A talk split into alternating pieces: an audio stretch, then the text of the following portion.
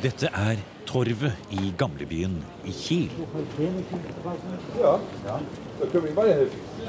Jeg spør to patruljerende politimenn om veien til Danskegata. Denischerstrasse.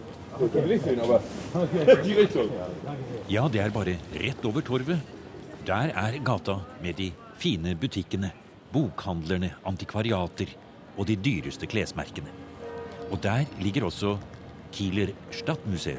Die, die Straße heißt seit 1492, seit Kiel gegründet worden ist, Via Danica, weil sie eben, Danica, ja. weil sie eben führte in diese Richtung in das äh, damals äh, dänische Herzogtum Schleswig. Museumskurator Kersti Dronske forteller at helt fra 1492, da Kiel ble grunnlagt, har navnet på denne gata vært Via Danica, eller Danskegata. Ved enden av denne gata lå en gang Slottet i Kiel. Men det var den gangen Kiel var en stor by i helstaten Danmark. Hertugdømmene Slesvig og Holstein var for 200 år siden en viktig del av kong Fredrik den 6.s eneveldige stat. Og Kiel var hovedstaden i denne delen av riket. Nå skal vi tilbake til den tiden, til de dramatiske månedene på senhøsten 1813, da hele byen kokte av krigsrykter. En stor svensk-russisk hær var på ilmarsj nordover, i retning Slesvig-Holstein og Kiel. I spissen var Karl Johan, som var en av seierherrene i slaget ved Leipzig i oktober 1813. Det, det, er vanskelig å forestille seg hvordan noe slikt som slaget ved Leipzig, hvor man har uh, hundretusener, det er jo det største slaget antageligvis i verden til den datoen. Mm. Så å forestille enormt område hvor da hundrevis av kanoner fyrte løs, og altså hundretusener av disse muskettene og bulleret fra hestehoven og Det må jo Nei, det må, det må nesten ha virket som et helvete på jord.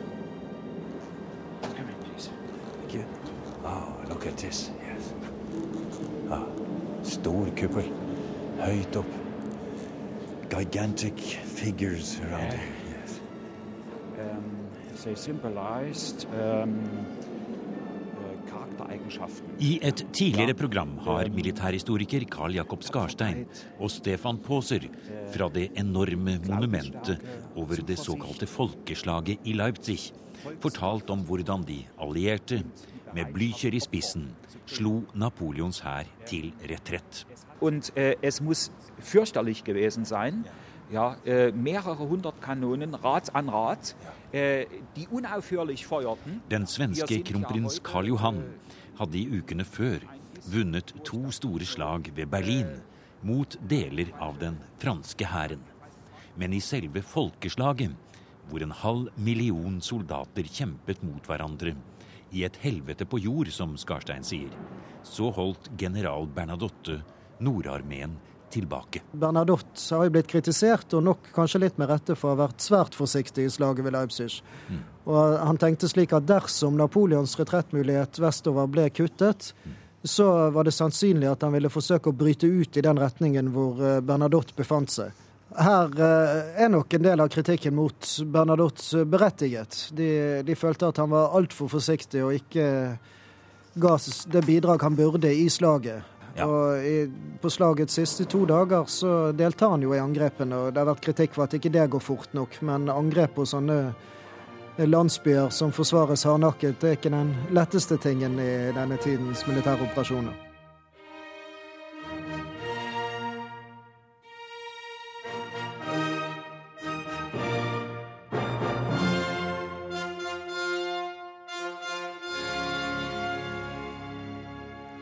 Men slaget ved Leipzig blir en stor triumf for Karl Johan.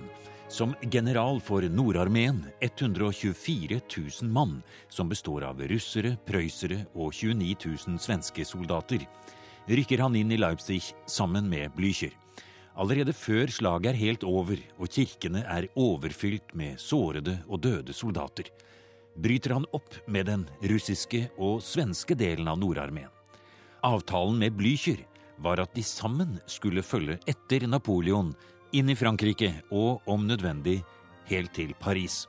Det er også hva Blücher gjør, men Karl Johan Han vender felttoget den andre veien, nordover, i retning Danmark. Det var jo et, eh, en overraskende manøver fra Karl Johans side etterkant av slaget i Leipzig. Det var slett ikke avtalt med de andre allierte at han skulle ta denne innstikkeren i Holstein og, og Kiel.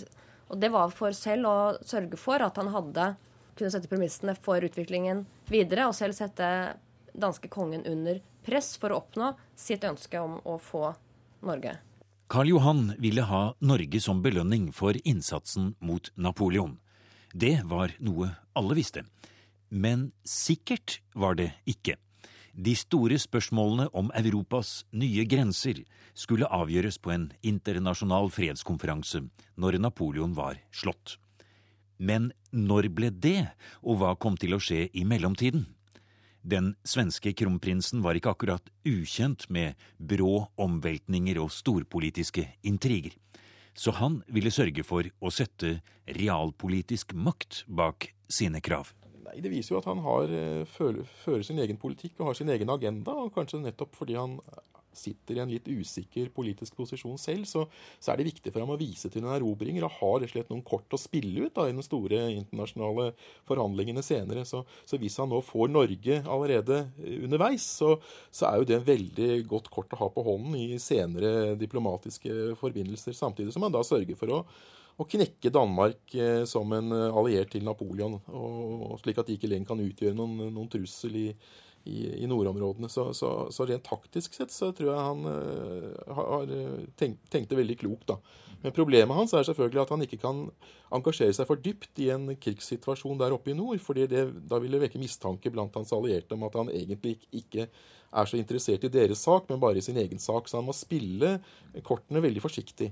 Og, Det er dristig av ham å, å gjøre dette, men, men, nettopp derfor så må det også gjøres fort hvis det skal være vellykket. Historikerne Ruth Hemstad og Odd Arvid Storsveen fra Universitetet i Oslo er eksperter på 1814 og hele det innviklede diplomatiet som nær sagt bølget frem og tilbake mellom stormaktene da Norges skjebne ble bestemt. Hvorfor var det f.eks. slik at Danmark-Norge sto på Napoleons side, mens hele resten av Europa samlet seg til de avgjørende slag mot den franske keiseren? Stormaktsperspektivet er jo helt avgjørende her. Og slutten på den eh, dansk-norske foreningens historie starter jo i 1807 med flåteranet, hvor eh, Storbritannia tar hele den dansk-norske flåten, som ligger samlet utenfor København, for å unngå at denne skal havne eh, i Napoleons hender. Etter denne freden i, i tilsitt mellom den russiske tsaren og Napoleon. Det tvinger Eh, Fredrik 6., dansk-norske kongen, til å alliere seg med Napoleon. Fram til 1807 så hadde Danmark-Norge vært holdt utenfor krigen, var nøytrale og kunne til dels profitere gjennom sjøfarten og skipsfarten på, på krigstilstanden ellers i Europa. Men etter 1807 så, så snur dette seg. Og ikke minst så snur det seg til ulempe for Norge. Fordi Norge blir rammet av fastlands blokaden, som Danmark da støtter Napoleon, og England havner i en krigssituasjon i forhold til, til Norge. Så Norge kommer i sjøkrig med, med England fra, fra 1807, og de helt den helt avgjørende importen av korn fra Jylland stopper nesten helt opp. Så det blir hungersnød i flere omganger i Norge. Det er jo Terje Viken. Dette er Terje Viken. Og dette er for første gang at interessene for den danske og den norske befolkningen helt splitter lag etter denne 400-årige perioden den dansk-norske foreningen.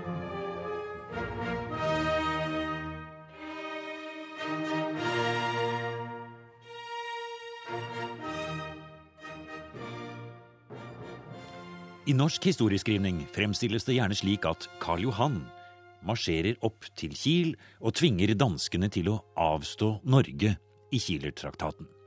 Sånn er det jo også, men da er bare halve historien fortalt. Det som ikke fortelles så ofte, er at Karl Johan møter sterk militær motstand på veien. Før slaget ved Leipzig har danskekongen inngått en avtale med Napoleon om at det skal stilles en styrke på 10 000 mann til disposisjon for den franske general Davout, som beleirer Hamburg med en fransk hæravdeling. Meningen er at denne styrken skal avskjære retretten for de allierte, hvis det hadde gått slik at Napoleon hadde vunnet ved Leipzig. Slik går det jo ikke, men de danske soldatene, den såkalte oksiliærstyrken, et hjelpekorps med kavaleri, infanteri, dragoner og noen få kanoner, blir sendt ned til Hamburg. Det er den dansk-tyske prins Fredrik av Hessen, som tidligere har vært visestattholder i Norge fram til mai 1813, da Christian Fredrik overtok, som leder disse danske styrkene. For norske øyne er det rart å lese i de danske militærhistoriske kildene hvordan man på dansk side helt klart oppfatter at krigen mot den framrykkende Karl Johan er en strid på liv og død for å redde Norge. Entusiasmen har nok neppe noensinne i den danske armé vært større enn den var i dette øyeblikk, og tropperne brente av lengsel efter at måle seg med fienden, der vel var sterkere, men også til dels fektedes lett da de fleste var både udisiplinerede og ei stred for deres frihet som i Tyskland, men for Pontecorvos herskesyge. Greven av Pontecorvo, eller Jean-Baptiste Bernadotte, den svenske kronprins Karl Johan, kjenner selvsagt godt til at hans nordarmé, som nå består av ca. 60 000 mann, omtrent likt fordelt på russiske og svenske soldater, vil møte motstand ved Hamburg. Det han ikke vet, er at general Davout har reist sørover med en stor del av styrken og overlatt til general Fredrik Antoine Lallemand å ta imot de danske hjelpestyrkene og forsinke Karl Johan så godt som mulig. Fredrik av Hesen og Lallemand bestemmer seg for å gi opp Hamburg og isteden vente på Karl Johan like syd for Kiel. I mellomtiden har kong Fredrik 6. samlet en hær på 30 000 danske soldater, som han selv leder.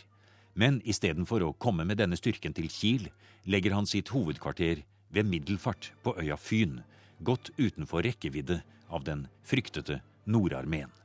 Og det er her på Fyn kongen får beskjed om at Karl Johan har feiet bort motstanden ved landsbyen Bornhøved, og den 8. desember har marsjert inn i Kiel med hele den dansk-franske styrke i vill flukt foran seg. Om formiddagen marsjerte vi gjennom Kiel. Få minutter efter var den fiendtlige forspiss i byen, hvor svensker og russere mottoges med jubel. En madame Hagemeister skal endog ha holdt en tale til prins Pontecorvo, som dog ei syntes som hennes usle oppførsel. Hvilken skjendig by. Således lønnede den kongen og dronningen som fremfor andre hadde yndet og utmerket den. Kiel var falt. Karl Johan innkvarterte seg men sendte en stor del av de russiske soldatene ut i området rundt Kiel for å nedkjempe de dansk-franske styrkene, som fortsatt var temmelig intakte. Rent militært var det lite som kunne gjøres fra dansk side, hvis ikke kong Fredrik kom til unnsetning med sine 30 000 soldater, som lå tre-fire dagsmarsjer unna. L'Allemand og Hessen bestemte seg for å forsvare grenseelven Eider, som i dag er temmelig identisk med Kielerkanalen. Helt fra 800-tallet hadde dette vært en historisk grense mellom Slesvig og Holstein. I dette området ligger også det berømte kongeslottet og borgen Glykstadt, hvor annet stamfedrene til det nåværende danske og norske kongehuset kommer fram. Selve det avgjørende slaget finner sted den 10. desember og er konsentrert rundt en bro over Eider like ved herregården Sested. Med tap på et par tusen mann til sammen på begge sider, ender det med at de dansk-franske styrker klarer å slå seg gjennom fiendens linjer og forskanse seg i borgen Rendsborg et par kilometer lenger borte. Karl Johan erklærer våpenhvile og innkaller til fredsforhandlinger i Kiel. I de neste to–tre ukene av desember 1813 brenner Nordarmeen blant annet Glyksborg slott og diverse andre landsbyer i området. Men på nyåret 1814 er alt over. Fredstraktaten blir undertegnet, og kongens danske hær kom aldri ned fra Fyn. 15. januar var en sorgens dag for enhver der var sitt fødeland hengiven. Vi fikk efterretning fra prinsen at freden var sluttet, og at Norge, det gamle Norge, der siden 1397 hadde vært forenet med Danmark, var avtrådt. Godvillig avtrådt. Og for fronten av 30 000 mann der fulda mot og kamplyst sto i Fyn. Det var til at blive rasende over.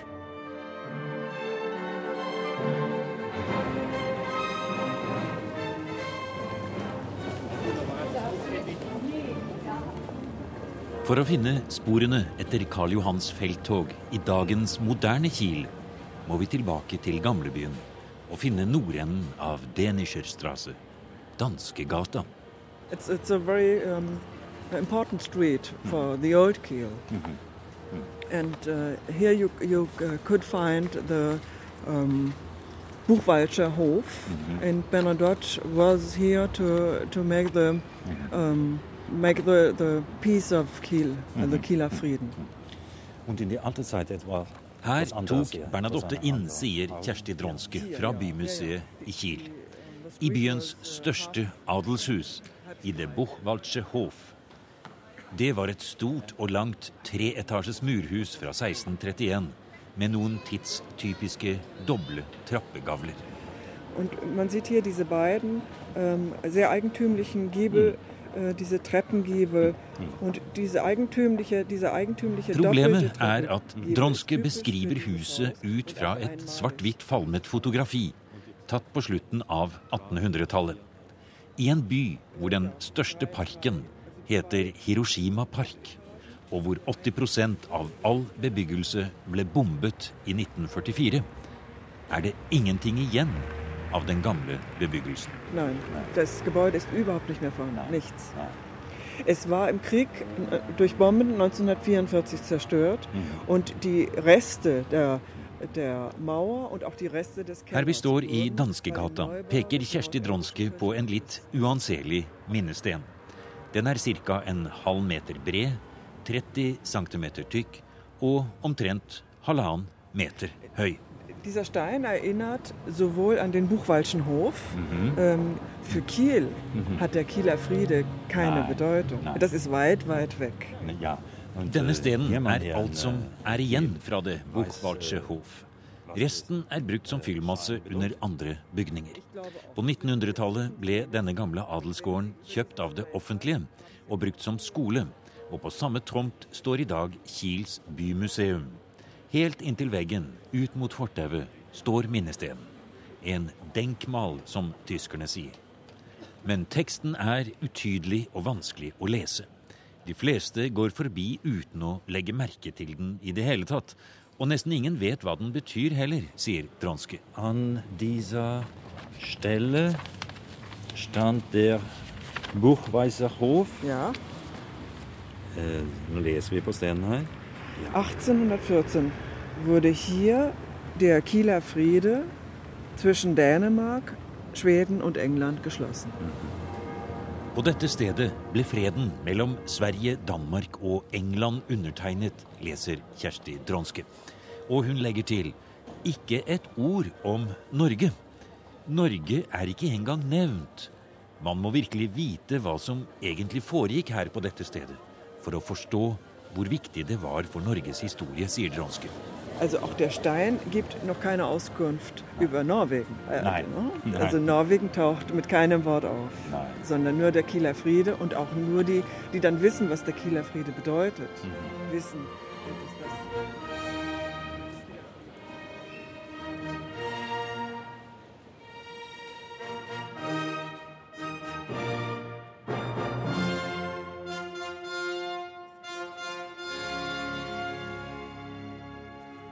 Men hva var det som skjedde bak lukkede dører i det Buchwaldsche Hof? Der satt Karl Johan og insisterte på at danskekongen for evig og alltid, og med virkning for all framtid og for alle fremtidige arvinger til den danske trone, skulle akseptere at Norge skulle avstås til Sverige. Brev ble sendt fram og tilbake, men foreløpig ville ikke den danske side engang akseptere å komme til Kiel for forhandlinger. Allerede i god tid før jul var de dansk-franske styrkene låst fast i Rensborg, og på Fyn satt Fredrik den 6. og kalkulerte sine sjanser. Ja, altså Han innser jo at han uten uh, fransk hjelp, da, uh, som han ikke kan få på dette tidspunktet, ikke har noen sjanse til å stå imot dette svenske angrepet. Men samtidig så er det jo, har han ett ett kort, og det er jo det at svenskene har ingen kontroll i Norge. Norge er fremdeles fullt militært og politisk kontrollert av Christian Fredrik, altså tronarvingen til Danmark-Norge, og, og, på en måte Fredrik den sjettes utsending i Norge. Og, og, hvis da Christian Fredrik kan greie å på en eller annen måte stå imot uh, dette, dette svenske, disse svenske planene, så vil han ha et kort, selv ha et kort på hånden. Selv kan han ikke gjøre så mye. Selv kan han ikke hindre svenskene fra å okkupere Jylland eller Fyn eller Sjælland til og med. Men, men, dette med Norge, der har han faktisk en mulighet til å, å, spille på. Det er avhengig av hva Christian Fredrik vil gjøre. da. Og så får han, uh, får han beskjed fra Christian Fredrik om at Christian Fredrik er villig til å gjøre noe.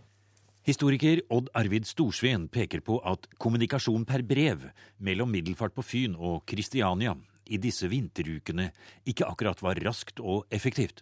Men det var av største viktighet for danskekongen å få vite hvordan nordmennene og Christian Fredrik oppe i Norge kom til å reagere hvis han gikk med på Karl Johans krav. Ja, altså Det har vært brevveksling og det har vært antydning om hva man skal gjøre tidligere, men det mest berømte av dette, disse hemmelige brevene da, det er jo et brev som Christian Fredrik sender til skriver første juledag, 1813, som kalt for juledagsdepesjen, som skriver til sin, sin konge Fredrik 6., og som da Fredrik 6. får noen uker etterpå gjennom uh, kurerpost til, til uh, der han sitter på Fyn. Og der, i dette brevet, står det jo helt tydelig at Christian Fredrik er villig til å støtte et eventuelt opprør blant nordmennene mot en overføring til Sverige. Ja. Han sier i hvert fall at han, eh, hvis nordmennene vil gjøre motstand mot dette, så kan, føler han at han ikke kan eh, stille seg imot det eller prøve å hindre det, men snarere må støtte det. Og så spør han på en måte da hva, hva, hva vil kongen mene om dette. Eh, og, og, kongen får ikke gitt ham noe formelt svar, men han gir ham senere et indirekte svar gjennom først Kiel-traktaten, og så med at han eh, da sender eh, forsyninger gjennom eh, korn, kornforsyninger opp til Norge, sånn, sånn, at det skal være mulig å overleve vinteren der oppe. Og det var jo dette som var på en måte sjakktrekket til den danske kongen når han da fikk dette brevet fra Christian Fredrik og hjemme i Norge, at det kunne bli et opprør der. For nå, i forhandlingene, kunne han ha instruert sine forhandlere om å, å si, avstå minst mulig, eller bare få noen områder osv. Men det som var den danske posisjonen, Storsven, det var jo rett og slett hele Norge. Nettopp for å forsøke runde nummer to. Det er iallfall det man de fleste historikere tror jeg, tror, mener i dag at det må være tanken til, til Fredrik 6. Og at han da han bruker da sitt beste kort, nemlig at han har altså en alliert oppe i Norge som har fremdeles full kontroll, og som er i stand til å holde svenskene ute så, så lenge som mulig, i hvert fall. Ja. Og det, der har jo ikke Karl Johan noen muligheter, da. Så, så, det er egentlig På en måte er det Hvis man nå tror at han var så taktisk lur, at han tenker slik, så, så er det nesten litt genialt. fordi og Fredrik 6. var ikke kjent for å være spesielt genial, men her gjør han faktisk noe som, som antageligvis var, var, helt avgjørende for fremtiden i Norden til både Norge, Sverige og Danmark at, at altså hele Norge, eh, som er svenskenes ultimate krav, kan du si, går over til, til den svenske kongen. Istedenfor å forhandle om deler og Trøndelag og Nord-Norge og slike ting som kunne vært aktuelt. Eh, fordi da antageligvis Fredrik 6. forstår at hele Norge ville reise et mye større altså avståelse av hele Norge ville reise et mye større opprør enn avståelse av den bit av Norge. Eh, eller en stor del av Norge. Og, og det er ikke noen fare for at ikke det vil kunne lykkes heller, fordi Christian Fredrik har iallfall eh, kontrollen over Norge. da. Svenskene har jo ingen militære muligheter egentlig i forhold til Norge for, foreløpig vinteren 1814. Så, så, her eh, kan man vel tro at det er taktisk spill, og Fredrik 6.s tanke må da muligens ha vært at hvis dette opprøret blir vel, relativt vellykket, eller i hvert fall langvarig, så vil eh, det diplomatiske situasjonen i Europa forandre seg. og Da vil kanskje ikke Karl Johan få så mye støtte lenger. Og kanskje vi kan redde da Norge for iallfall min oldenborgske slekt, altså hans uh, fetter, da, som er tronfølger i og Christian Fredrik. Så, så, og da føler han at han det er den måten han kan leve opp til sine forpliktelser om å holde riket samlet. Ja, og, og, Dessuten så er jo Christian Fredrik også da ja. arving til den danske tronen. ja. Den danske tronen, sånn at uh, Med Christian Fredrik i, i, spissen i Norge, og, og, så vil han jo etter hvert også bli konge i, i Danmark. Og, og, Slik sett så kan han føre uh, de to landene sammen igjen, selv om de midlertidig skulle bli atskilt. Så, så, det er den muligheten Fredrik 6. har. Noe andre tror jeg ikke han ser. og og, og, som sagt, det er eh, et lite trekk av genialitet ved det som man ikke skulle ellers uh, henføre til den kongen. Men, men, men, genialiteten kommer naturligvis primært fra Christian Fredrik. Da. Det er Christian Fredrik som har tenkt ut denne tanken om å, å reise en eller annen form for motstand, en eller annen form for opprør. Og, og, og det gjør han jo, som vi vet også. Ja.